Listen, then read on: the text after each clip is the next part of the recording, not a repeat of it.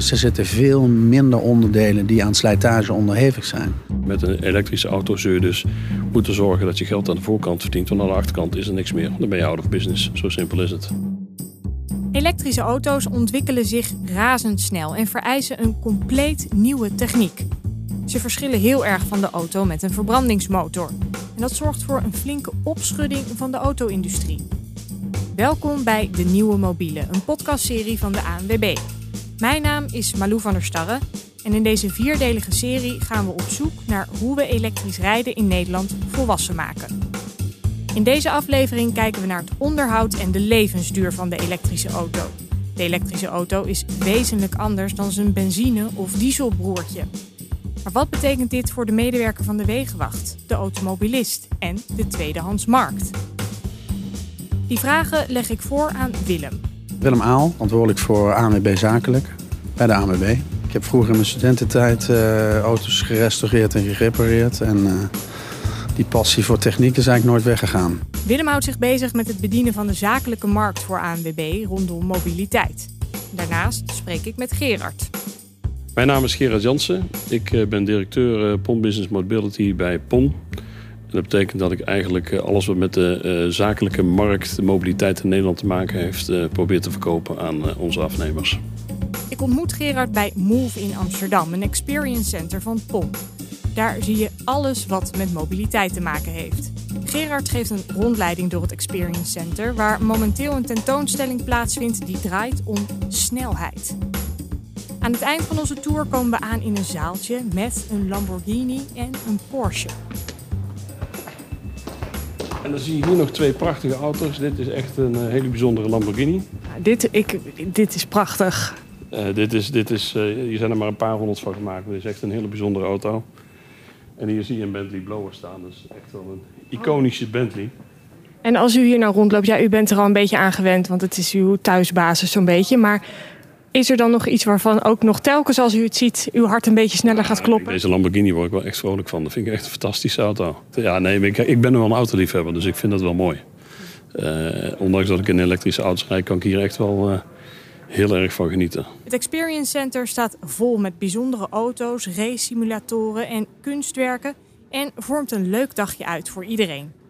Aan het eind van de rondleiding praten Gerard en ik verder in de zaal waar eigenlijk de gloednieuwe Volkswagen ID Buzz zou staan. En ik had het lichte hoop dat ik hier vandaag het nieuwste Volkswagen busje zou aantreffen. Ja, dan ben je net een week te laat, want die hadden we vorige week staan, twee dagen, de ID Bus. We doen heel veel previews hier, dus uh, als er een nieuwe auto is, dan zetten we hem ook hier neer.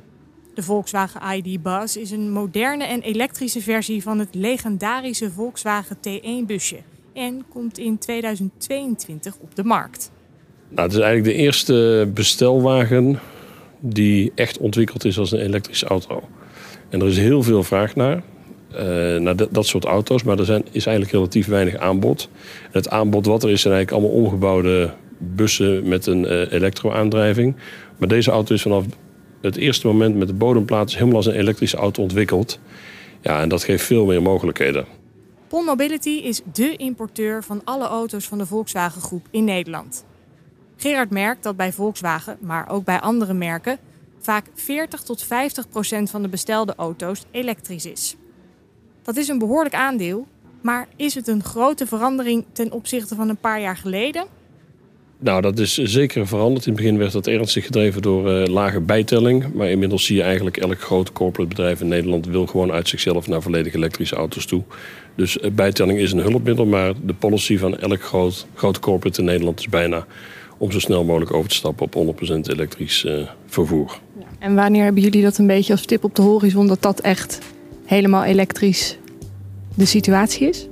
Nou, de Europese Commissie heeft bedacht dat het vanaf 1 januari 2035 in Europa geen niet-elektrische auto's meer verkocht kunnen worden, mogen worden.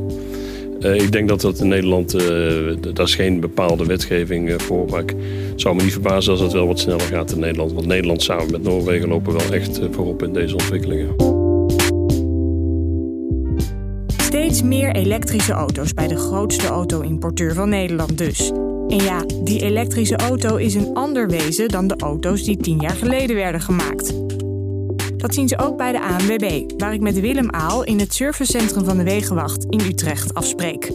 Wat gebeurt hier nou eigenlijk allemaal? Nou, hier komen eigenlijk auto's die uh, gestrand zijn en waar we in principe nog uh, op een uh, vrij efficiënte en snelle manier een reparatie kunnen uitvoeren. Het echte onderhoud gebeurt hier niet, maar hier gebeurt eigenlijk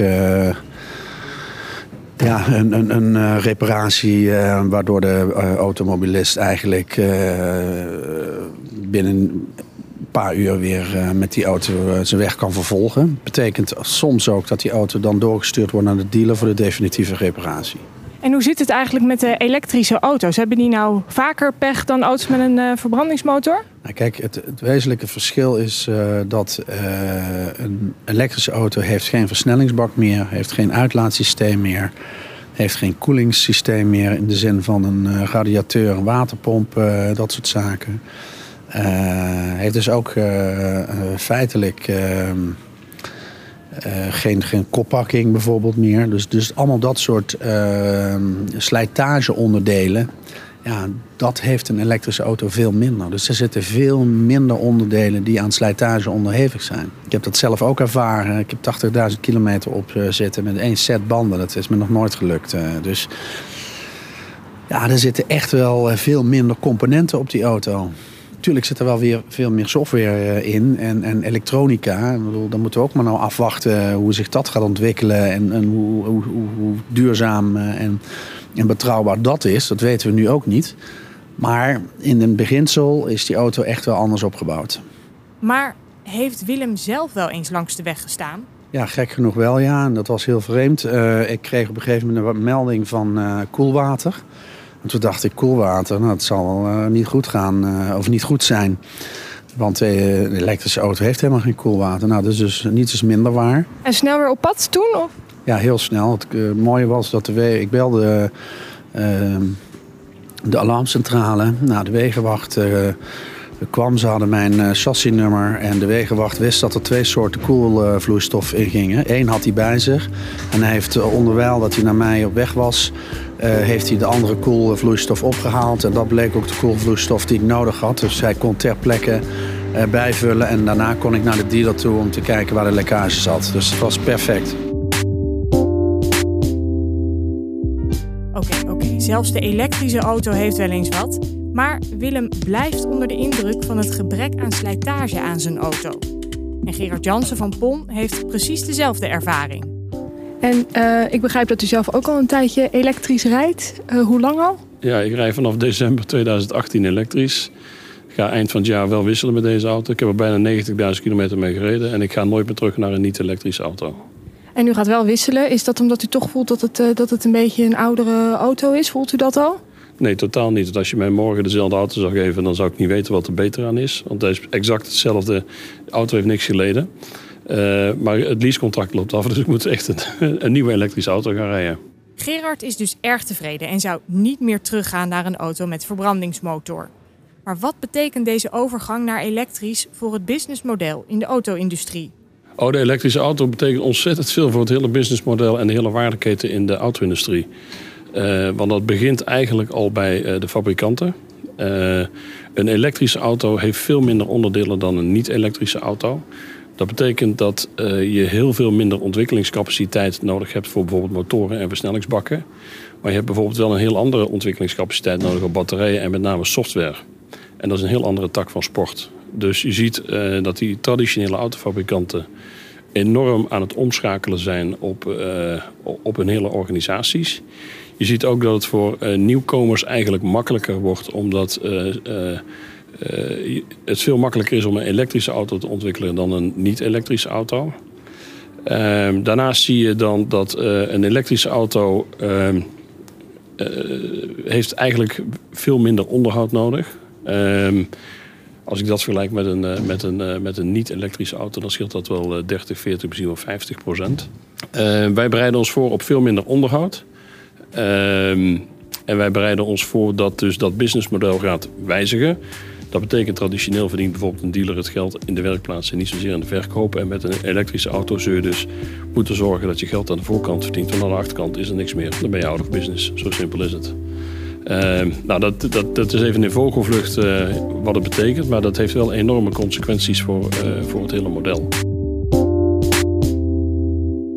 Voor de Wegenwacht verandert er veel op het gebied van reparaties. Volgens Willem zijn vooral de procedures anders en moet er meer worden samengewerkt. We zullen minder gaan sleutelen en we zullen meer in samenwerking met de dealers moeten gaan eh, acteren. Dat doen we nu ook al.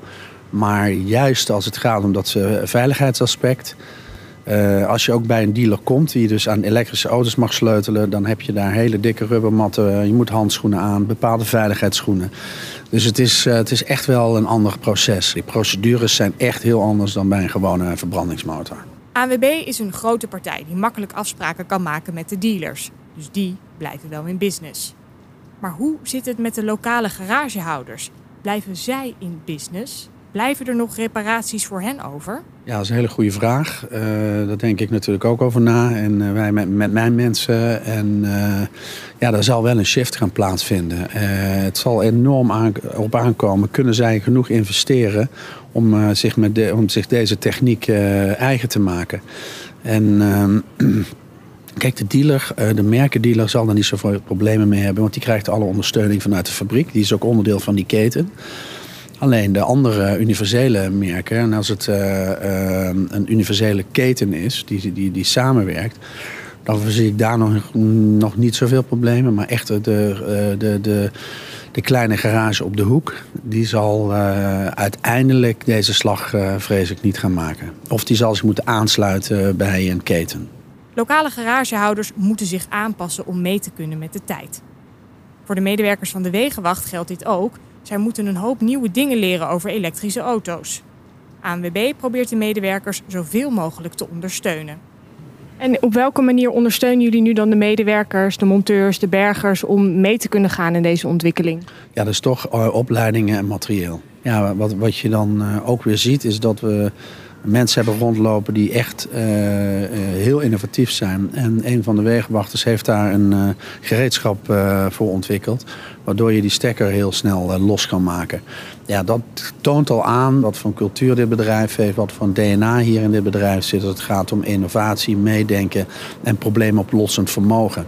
En dat vind ik, ja, dat, dat, is, dat is echt heel bijzonder. Ja.